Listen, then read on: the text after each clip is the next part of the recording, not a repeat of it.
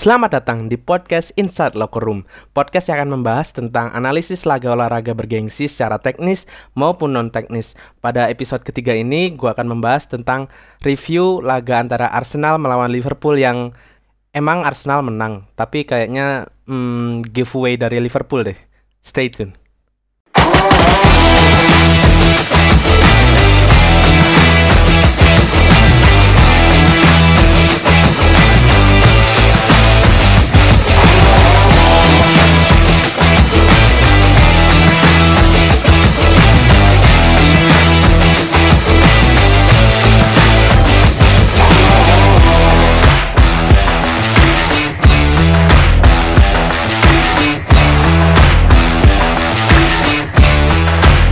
Welcome back to Inside Locker Room Podcast. Tadi pagi ada uh, dua match kalau nggak salah. Manchester City yang menang 2-1 melawan Bournemouth dan Arsenal melawan Liverpool. Harusnya Arsenal lawan Liverpool ini jadi sebuah big match yang uh, sangat bergengsi ya karena memang uh, seperti yang kalian tahu anak-anak uh, 2000-an gitu ya yang mungkin emang tahu Arsenal dan Liverpool dari lama ini sebenarnya ini dua tim besar uh, bisa dibilang um, apa ya penghuni sebenarnya dari big big big six ya. Big five apa big six gitu dulu orang ngomongnya itu. Nah ini sebenarnya Liverpool sama Arsenal ini masuk di situ. Tapi um, tahun 2000-an MU MU menguasai liga dan Arsenal sempat di awal-awal 2000-an itu. Dan lalu uh, Manchester City muncul di 2011 kalau nggak salah. Ya menang 2011 ya. Nah itu uh, Manchester City mulai masuk ke area uh, papan atas IPL dan akhirnya Arsenal yang turun. Liverpool sempat terseok-seok juga tapi uh, belakangannya ya seperti kalian tahu ya saat Jurgen Klopp masuk mulai memperbaiki tim sampai akhirnya uh, memenangkan Liga Champion. Uh, memenangkan IPL juga musim ini. Uh, congrats buat Liverpool. Tapi di match kali ini um, Arsenal ini bermain jelek banget. Gak gak ada seni bermain sepak bolanya. Liverpool seperti biasa ya main nyerang, tapi uh, terlihat tumpul karena Arsenal yang uh, parkir bus di belakang, di lini belakang. Um, dari startingnya ya, kita lihat uh, Arsenal ini bermain 3-4-3 lagi. Um, harusnya 3-4-3 atau 4-4-3 4-3-3 yang uh, menyusun tiga striker di depan ini harusnya bermain nyerang ya. Karena seperti yang kalian tahu 4-3-3 ini kan mulai dari Barcelona uh, total footballnya uh, Barca itu menggunakan tiga striker. Nah itu uh, yang tim pertama yang berani bermain menyerang. Lalu uh, ada uh, perubahan seiring berjalannya waktu akhirnya uh, banyak tim yang juga menggunakan strategi tersebut. Ada yang memodifikasinya jadi 3-4-3 ini.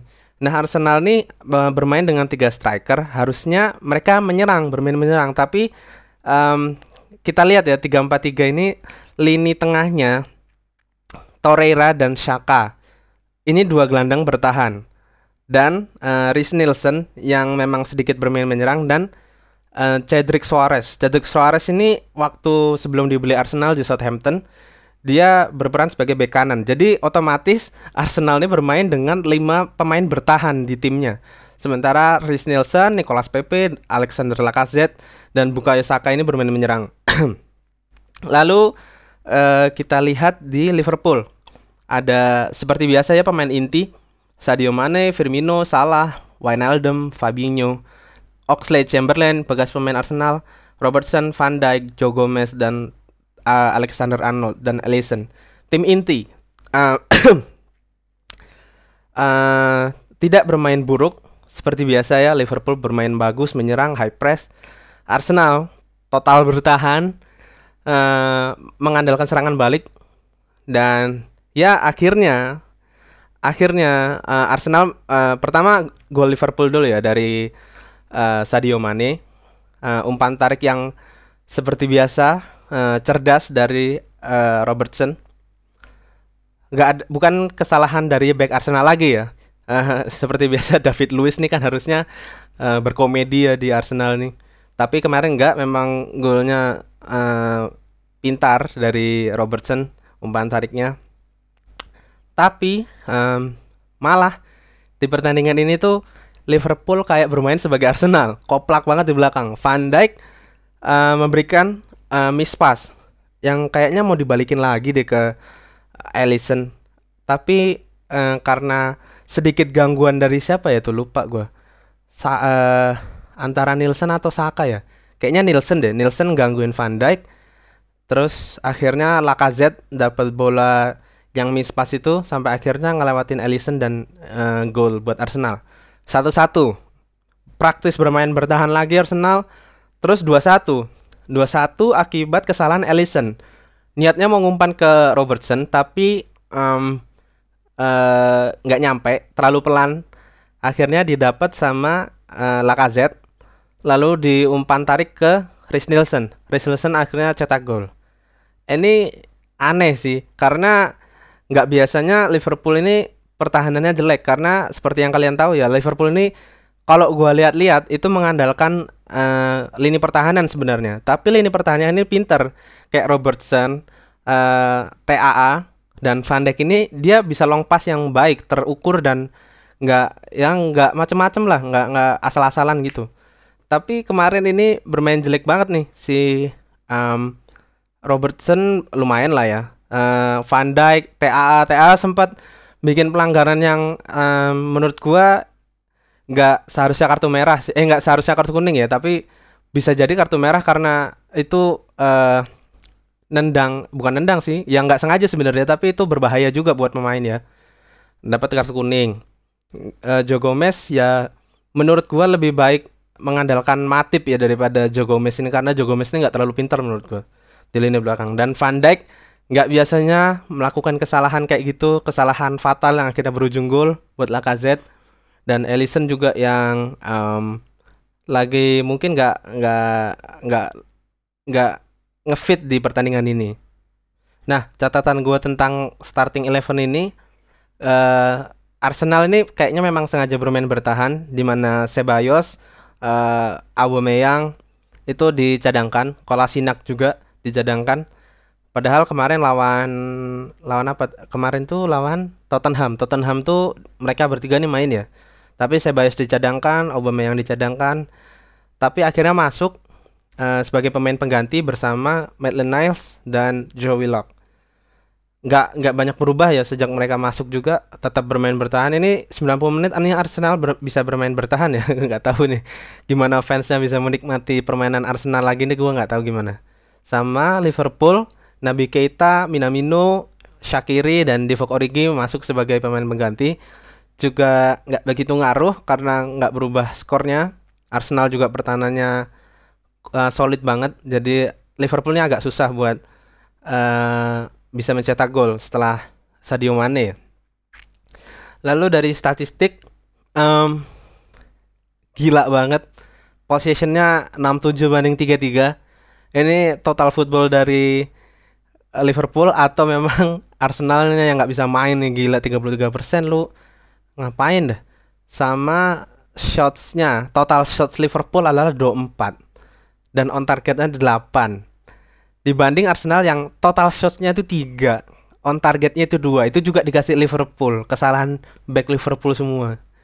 Gila nih Arsenalnya emang dilihat eh enak dilihat bermain apa gimana nih, bingung gua. Yellow cards nggak begitu banyak. Arsenal 3 dan Liverpool satu ya. Oh, um, sisanya gitulah cornernya 13 banding 2 gila Gila, total nyerang dari Liverpool tapi uh, usaha kadang mengkhianati hasil coy. nah, atas kemenangan ini Arsenal uh, di peringkat 9 dengan 53 poin, selisih satu poin dari Sheffield dan dua poin dari Tottenham. Ya mungkin masih ada kemungkinan lah untuk masuk empat besar, tapi kecil banget karena memang Wolves lagi on fire, MU juga ya bisa dibilang uh, sedang-sedangnya lah nggak nggak cupu-cupu banget lagi lagi menang seri.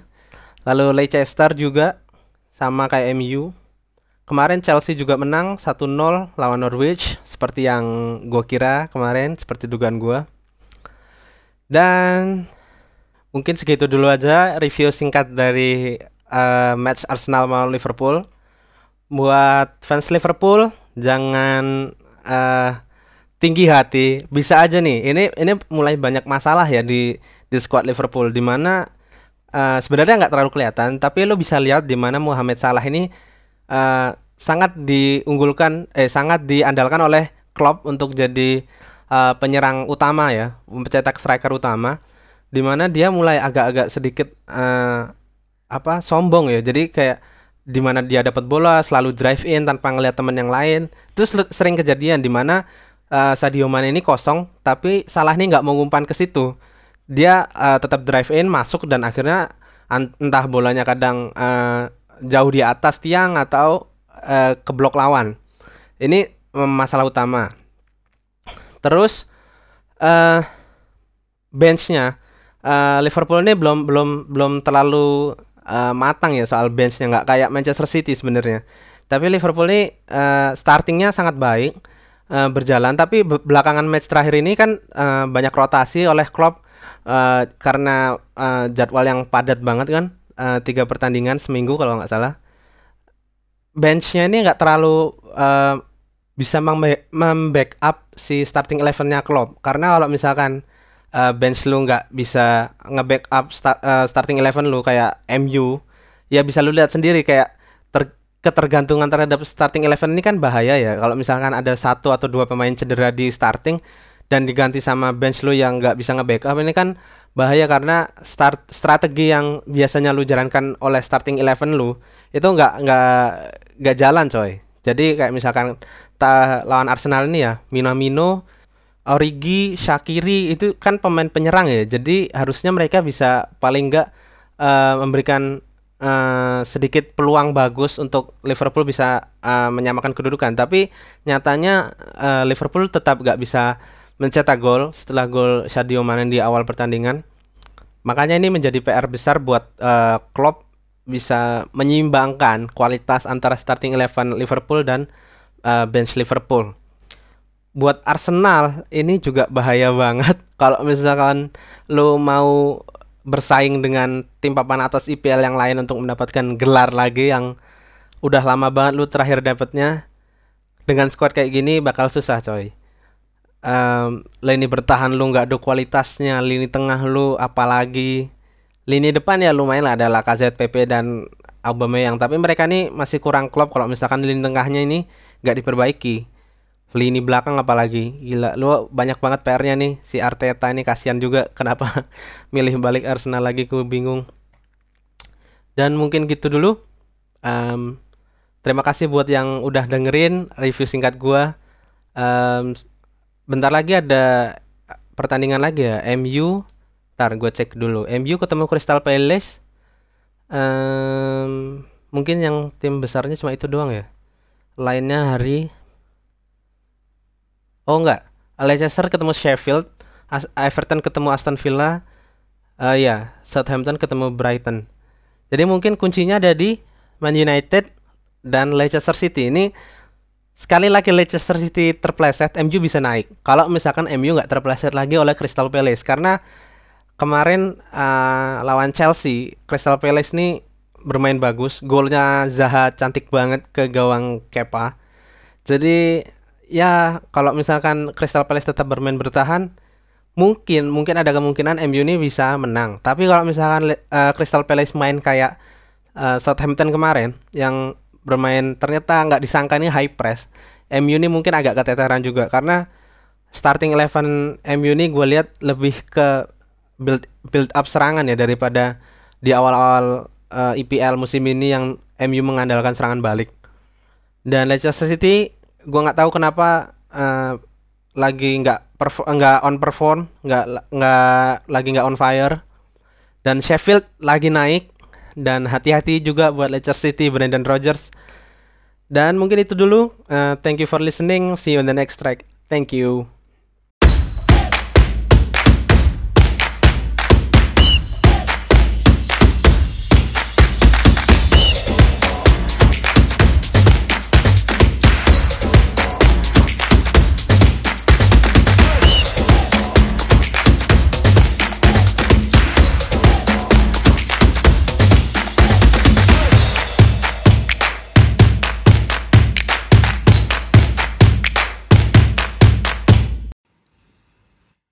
Oke, seperti judul yang ada, Road to Germany 2020. Berarti kita bakal ngebahas final UEFA Europa League. Yang tahun ini mempertemukan Inter Milan dengan Sevilla. Berarti Liga Italia dengan Liga Spanyol. Kali ini gue nggak berbicara sendiri. Kali ini gue bersama teman gue yang eh football entusias seperti ya. Dia lancar banget kalau analisis. Coba coba kenalin dulu, kenalin dulu gak? Iya. Eh, halo, nama gue Vincent Yusuga Pratama. Temennya Jeremy yang katanya football en football apa Jer? Entusias. Ah iya itu maksudnya. Nah itu katanya yang paling jago statistik katanya. Iya. Semoga bisa membuat statistiknya ini benar kali ini ya. Oke. Semoga. Coba kali ini gue mau tahu pendapat lu tentang final tahun ini, Gar. Di mana Sevilla dipertemukan dengan Inter Milan. Tuh uh, first impression lu setelah tahu Ya awalnya pasti kecewa ya karena kan Kecewa. saya kan mendukung Manchester United ya. sangat sangat kecewa. Iya, sebenarnya. pasti sangat kecewa. Tapi mari kita sama-sama kembali kepada profesionalitas bahwa Sevilla memang layak berada di final. Mereka menciptakan dua gol melawan satu menang dari Manchester United. Layak untuk masuk ke babak final. Namun lawannya Inter Milan, wah ini jelas sangat-sangat besar ya karena mereka di semifinal saja bantai 5-0 Iya. atas Shakhtar Donetsk. Ini membuktikan kesiapan dari pasukan Antonio Conte ingin setidaknya mereka bisa meraih satu gelar untuk memacu di musim selanjutnya di Serie A nantinya untuk bersaing dengan Juventus. Kalau gue lihat modal Inter tuh gede banget dari dari skornya ya, dari Hmm, sebelum Betul, final. betul, betul, betul. Tapi kita perlu catat, Sevilla ini adalah penghuni final Eropa League. Betul, dulu. betul. Sudah beberapa episode mereka menangkan dan mereka spesialis ya bisa dibilang spesialis, dalam Spesialis. final dari Eropa League karena mereka sempat menjuarai final ini secara beruntun Iya. dan sudah mengerti betul lah dengan atmosfer dari Europa League sendiri. Jadi memang kita menarik untuk disaksikan bagaimanakah Inter dengan Sevilla ini bertanding Iya. di hari Sabtu dini hari nanti. Dan gue bilang pemain-pemain Sevilla sendiri sepertinya kalau udah di final Eropa League, ya dia gue bilang mentalnya dia sebenarnya udah kebentuk, tinggal menyesuaikan aja karena ini nggak ada penonton, ya kan? Hmm, Sedangkan Betul. Inter sebenarnya kalau dibilang final Eropa League, ya enggak belum gue belum melihat recordnya ya, Iya. tapi tapi dengan modal permainan betul. dan pemain Ya, yang haus gol gue bilang Betul. dari Romelu Lukaku dan mm-mm. Lautaro ya iya Lautaro Fa- Martinez. Iya. itu gue bilang akan menjadi duel yang sangat-sangat bagus sih Betul, karena memang kita tahu sendiri ya Inter Milan ini bisa dibilang sebagai jiplakannya Premier League. betul Hampir semua pemain itu dari Premier League semua. Kita lihat dari sisi kiri asli yang dari tengah mereka punya Erikson. sebenarnya lebih tepat lagi Gimana? dari Manchester United Iya betul sekali. Karena tiga pemain dari Manchester United. Di Manchester United ada Lukaku, ada Sanchez, ada Asli yang yang mana mereka sudah mengetahui kalau saja di final ketemunya MU kan, wah nah, iya. balas dendamnya kan sebenarnya agak kan? seru memang Iya, gue juga tadi inginnya iya. Inter ketemu Manchester United cuman MU sayang sekali lini pertahanannya tidak bagus Iya. dalam pertandingan final itu. sampai masuk ke highlight seperti Iya, banyak highlight. rekaman. Iya, Bruno Fernandes dan Lindelof kan. Iya. Nah, iya, ini inilah. gue bilang juga kalau kita ulik mundur sedikit di Sevilla MU Hmm? MU juga agak sedikit ini ya. Gue bilang dia kan mencetak hanya penalti. Hmm, betul. Berarti kalau gue bilang selama 90 menit sebenarnya MU tidak bisa mencetak gol. Betul. Dan itu memang Sedangkan Sevilla Hmm? mencetak dua-duanya tidak melewati penalti. ya. Dan itu terbukti sebetulnya terbuktinya dari statistik yang sedikit berbalik ya. 20 kali Manchester United melawan serangan, beberapa kali shooting on target. Namun kembali kiper Sevilla ini memang sangat luar biasa ya Iya. cara cara positioning bola, cara menahan bola, cara membaca pertandingan yang sangat baik. Bisa dibilang sih kalau boleh dibilang cara pertahanan dari Sevilla ini memang mem- membuktikan bahwa Manchester United hanya bisa mencetak gol dari titik penalti dari kipernya bernama Bo- Bono. Bono ya. Ini bermain dengan sangat bagus ya di babak semifinal kemarin, menciptakan banyak sekali penyelamatan yang membuat Sevilla masih bisa bertahan akhirnya sampai ke final dibantu dengan lini pertahanan yang sangat rapat. Hampir semua pemain hanya menyisakan di starting line up adalah Suso dan juga Lucas Ocampos berada di lini depan sisanya mereka membantu pertahanan membantu pertahanan dari Sevilla sehingga membuat MU kesulitan mencetak gol. Berbalik dengan Manchester United dengan cara pertahanan mereka yang sedikit terbuka. Mereka menerapkan gaya permainan terbuka. Ini jelas menjadi tuntutan memang karena namanya Manchester United diharapkan untuk bermain menyerang karena Iya, benar sekali. mereka punya Pogba, mereka punya Bruno Fernandes, mereka punya Greenwood, mereka punya Rashford, apalagi mereka juga punya Martial. Lima pemain yang punya karakter menyerang. Hanya saja lini pertahanan mereka yang tidak Rapuh ya. ya rapuh Rapuh. ini membuat peluang menjadi sangat sirna karena tercatat di babak kedua Sevilla hanya melakukan satu dua kali serangan. Tapi langsung masuk. Yang harus kita tandai itu harus masuk. Hanya dengan satu kali crossing dari Jesus Navas kemudian dari pengga- pemain pengganti Luke De Jong. Bisa menciptakan gol di menit ke-78 sehingga waktu kalau ada yang nonton pertandingannya Lindelof Iya. dimarahi oleh Bruno Itu- Fernandes. itu gue bilang salah satu gol Eropa League yang sangat-sangat krusial. Betul. Di mana sudah gue bilang dengan skor satu sama udah capek juga Heeh, dan, dan MU juga gue bilang eh, mental mental dari pemain mungkin agak sedikit menurun karena nggak bisa menghasilkan gol. betul Jadi menit 78 di waktu krusial itu betul sebenarnya dan itu cetaklah satu Iya. gol. Iya, dan bisa dibilang oleh menjadi salah satu pelatih dari Manchester United yang sangat stuck dengan line up-nya. Mm. Dari Iya, beberapa betul, pertandingan tidak pernah mengganti starting line up, tidak pernah membuat perubahan dengan harapan cara permainannya tetap akan seperti yang diharapkan. Mm. Padahal kalau kita melihat dalam beberapa pertandingan terakhir bahkan ada beberapa orang yang sempat menuliskan bahwa Bruno Fernandes mulai las mulai dalam beberapa pertandingan terakhir mulai sedikit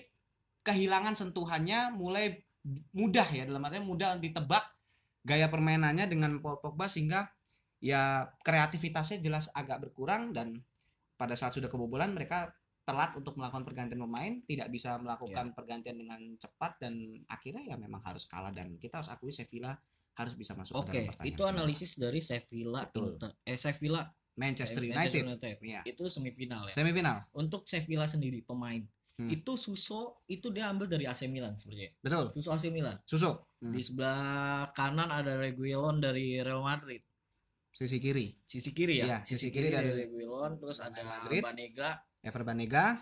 Semuanya ini pemain-pemain yang apalagi kalau Liga Spanyol. Liga Spanyol itu gue bilang bukan kalau klub dari Liga Spanyol itu bukan klub biasa. Betul. Mentalitas di eksternal champion, eksternal piala eksternal Betul. Eropa, gue bilang mereka punya suatu spesial mental spesial yang disimpan buat bermain di liga liga Eropa ini loh gitu. Ya. Karena ya untuk liga Italia baru kebukti yang begitu Atalanta. Iya, sangat mengejutkan ya. Sangat akhirnya sampai ke perempat final walaupun akhirnya kalah dengan menyakitkan lawan Paris Saint-Germain. Tapi Sevilla ini eh gue bilang akan memberikan perlawanan yang mengejutkan juga ya. Bilang. Betul.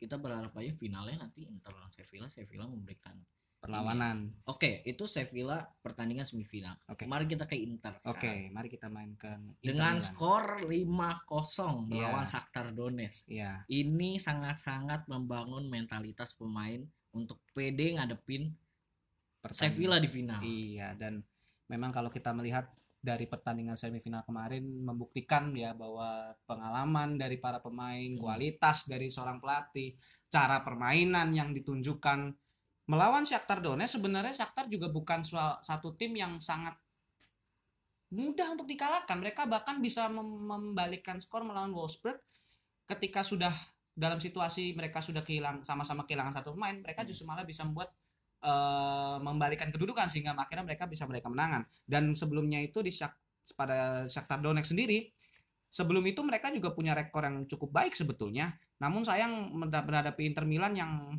sangat-sangat on fire terlebih kalau kalau lo tahu Antonio Conte seperti apa gaya melatihnya. Iya. Sangat-sangat pemarah, sangat-sangat penuh semangat dan berapi-api. Kita bisa melihat dari beberapa dari beberapa pemain dari beberapa pemain yang masuk dalam starting lineup kemarin Formasi 352 formasi paten. Romelu Lukaku dan Lautaro Martinez diberikan ruang yang cukup bebas untuk mengobrak-abrik Hmm. dan diberikan kesempatan juga kepada seorang Nico Barella dan juga Brozovic untuk ikut naik ke atas. Sementara dalam ba- eh, bangku cadangan masih punya Christopher Birahi, masih punya Erikson, mereka masih punya Moses, mereka masih punya Alexis Sanchez Iya, yang mana sekali. itu menjadi opsi yang cukup melimpah bagi Inter Milan sehingga mau bagaimana pemain yang dipasang pun mereka tetap tidak mengubah cara main mereka. Betul. Pressing mereka mem- menutup dari lini Jadi, lini tengah. Di lapangan, di luar lapangan dia punya pemain yang mumpuni Iya. untuk eh, menjalani laga ini. Iya.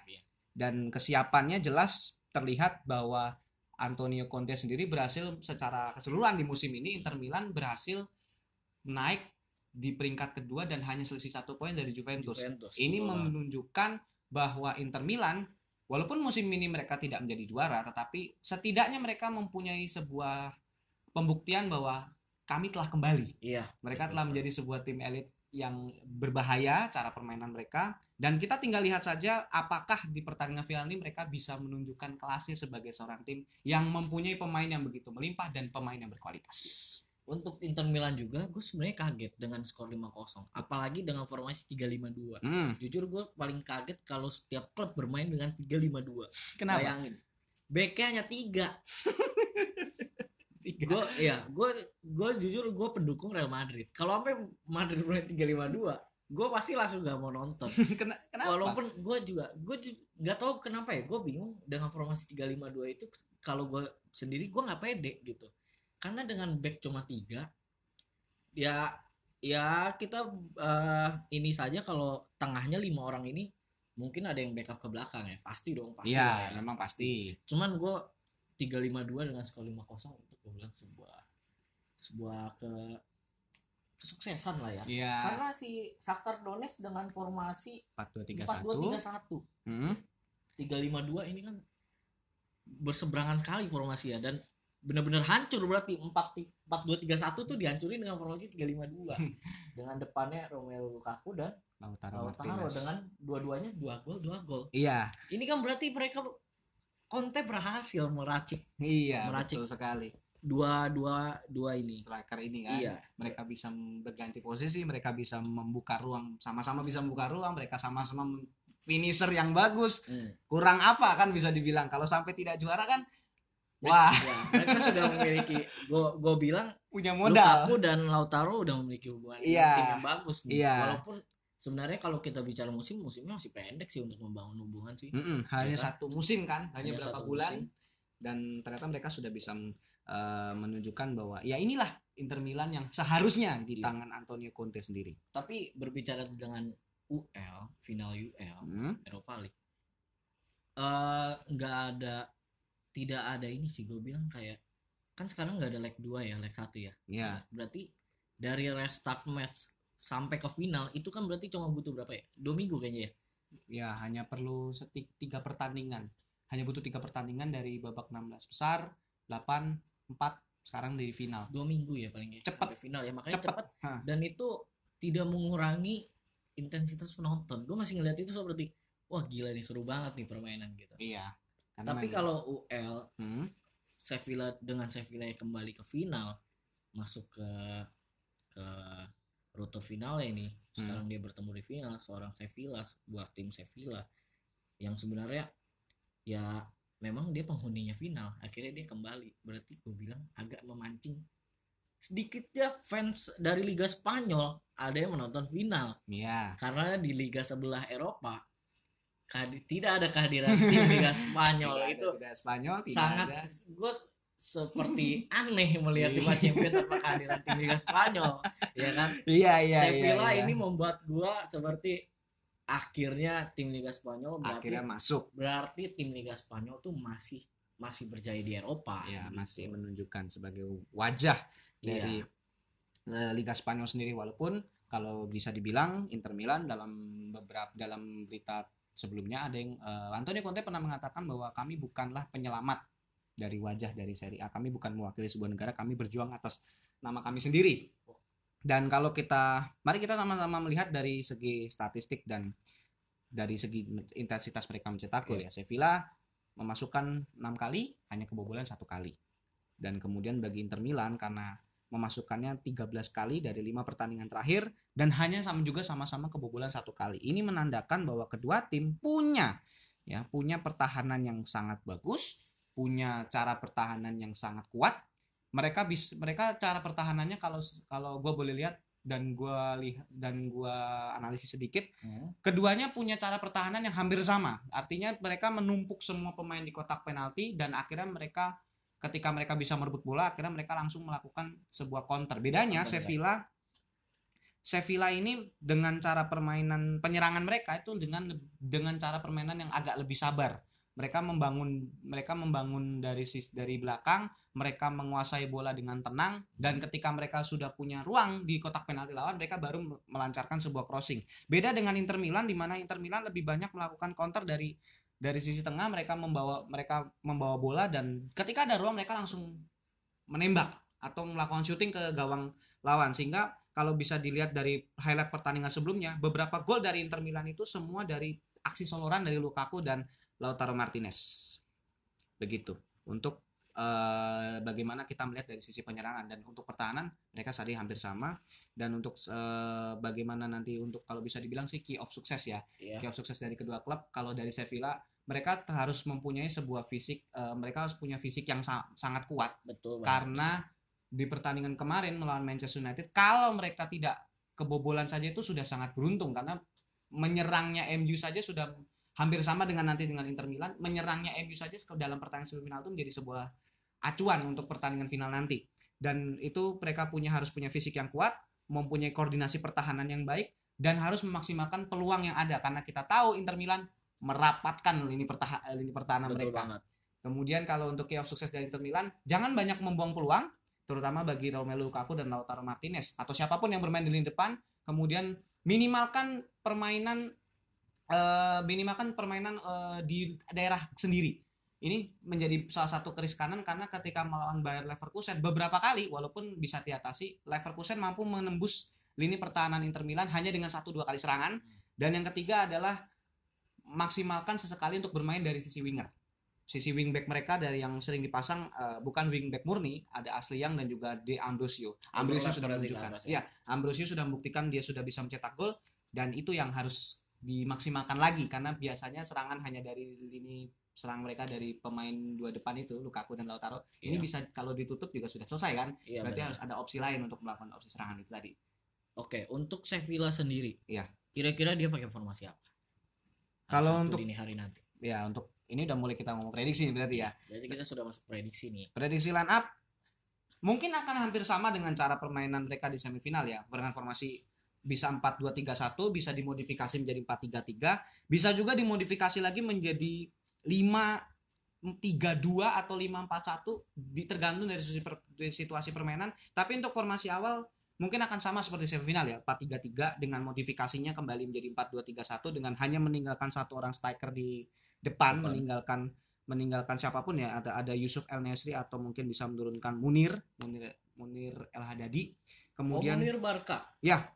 Oh, Munir kemudian kalau untuk hampir hampir semua sih cara pemain-pemain mereka akan sama ya berarti kira-kira bakal sama. sama sama dengan Apalagi coach Julen Iya. di Madrid juga sistemnya menyerang. Jadi gue bilang eh, ini Sevilla juga nggak bakal tanggung-tanggung sih. Dia bakal pasti langsung eh, ya gue bilang ini langsung peperangan gol nggak mungkin nggak ada mungkin sedikit seperti gue ingin lihat permainan permainan yang asik itu permainan seperti sebenarnya seperti Bayern Munchen melawan Barcelona di mana benar-benar tetap total menyerang tetap ya. total menyerang. Mau berapapun skornya tetap kita serang terus lima oper lima oper depan gawang. Lima kali oper Iya, depan gawang. Nggak perlu Itu banyak membuang waktu bilang, Hmm, Sevilla benar jangan sampai membuang waktu tapi jangan sampai lengah juga. Iya. Karena Romelu Lukaku sepertinya tidak bisa diberikan ruang sedikit pun. Iya. karena dengan body dan sebenarnya sprintnya juga nggak terlalu kenceng ya sebagai penyerang cuman bodinya itu mendukung sekali untuk dia ngelewatin berbagai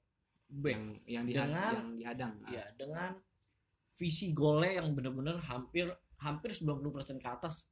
Kalau dia udah nendang mungkin bisa terjadi gol. Atau bisa dibilang 100% on target dulu ya. Iya 100% on target deh. Iya. 100% on target Ah. tapi untuk gol tinggal beberapa persen lagi yang Iya. bisa diserahkan. Seperti itu. Untuk Inter Milan sendiri gimana? Apakah Apa pakai 352 atau formasi paten Conte pasti mereka selalu menggunakan formasi 3 back selalu dengan beberapa kali tim yang ditangani semua Oh iya, iya. semua yang ada selalu Chelsea pernah tiga tiga empat tiga ya. tiga empat tiga. Chelsea dengan formasi yang sedikit modifikasi tiga empat tiga sementara dari Inter Milan pasti dengan formasi tiga back kalau Antonio Conte itu. Hanya saja tinggal siapa yang mengisi di situ. Pokoknya dengan formasi tiga back itu sebetulnya menunjuk eh, ada sedikit eh, cara permainan yang sedikit lebih nyaman di mana seorang wingback itu bisa naik maju dan mundur maju dan mundur. Jadi bisa ber- bergantian kadang kadang kalau lagi menyerang ya ikut bantu menyerang kadang kalau ikut bertahan ya harus bantu bertahan hanya saja memang butuh fisik yang kuat pastinya karena ini Betul. adalah pertandingan final dan pastinya tidak hanya uh, fisik, emosi, mental semua dia harus dipersiapkan. Dan kalau dari formasi 352 sendiri akan sama pasti dengan apa yang terjadi di babak Apakah Coach Semifinal. akan masukin Sanchez atau Erikson?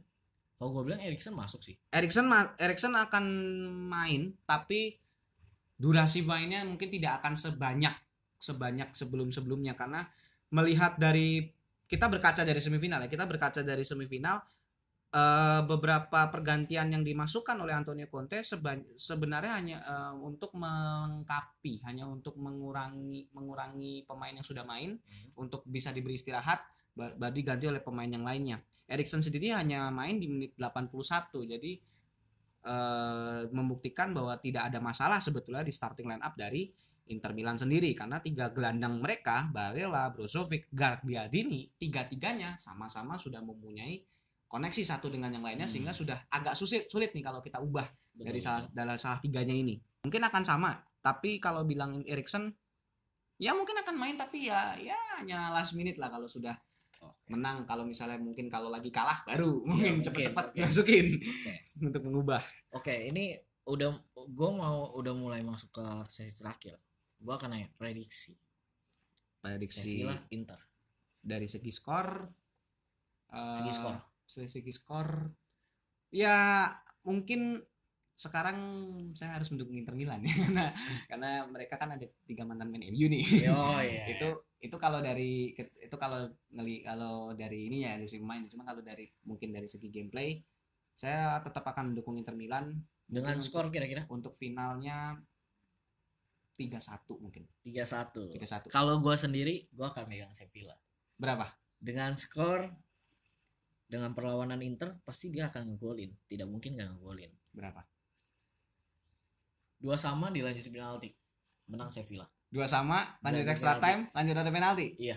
dua sama dulu baru perjuangan sampai penalti Iya. oke oke Kalau memang gak sampai penalti, berarti 3-2. Menang Sevilla. 3-2 menang Sevilla 3-2 menang Sevilla. oke Karena tim Liga Spanyol di mata gua ini Liga Raja. Dan oke Sevilla penghuni dari final eh, Eropa League dan penghuni dari eh, klasmen 1 sampai 5 pasti Sevilla masuk. oke oke oke oke Jadi mungkin ya begitulah. oke Jadi eh, final WL kapan?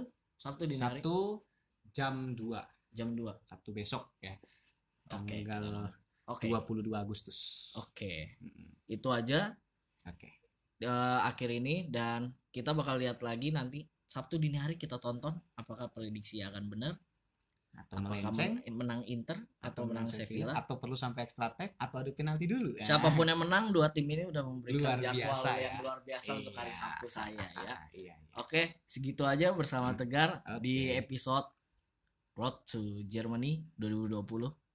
Sampai jumpa di episode selanjutnya.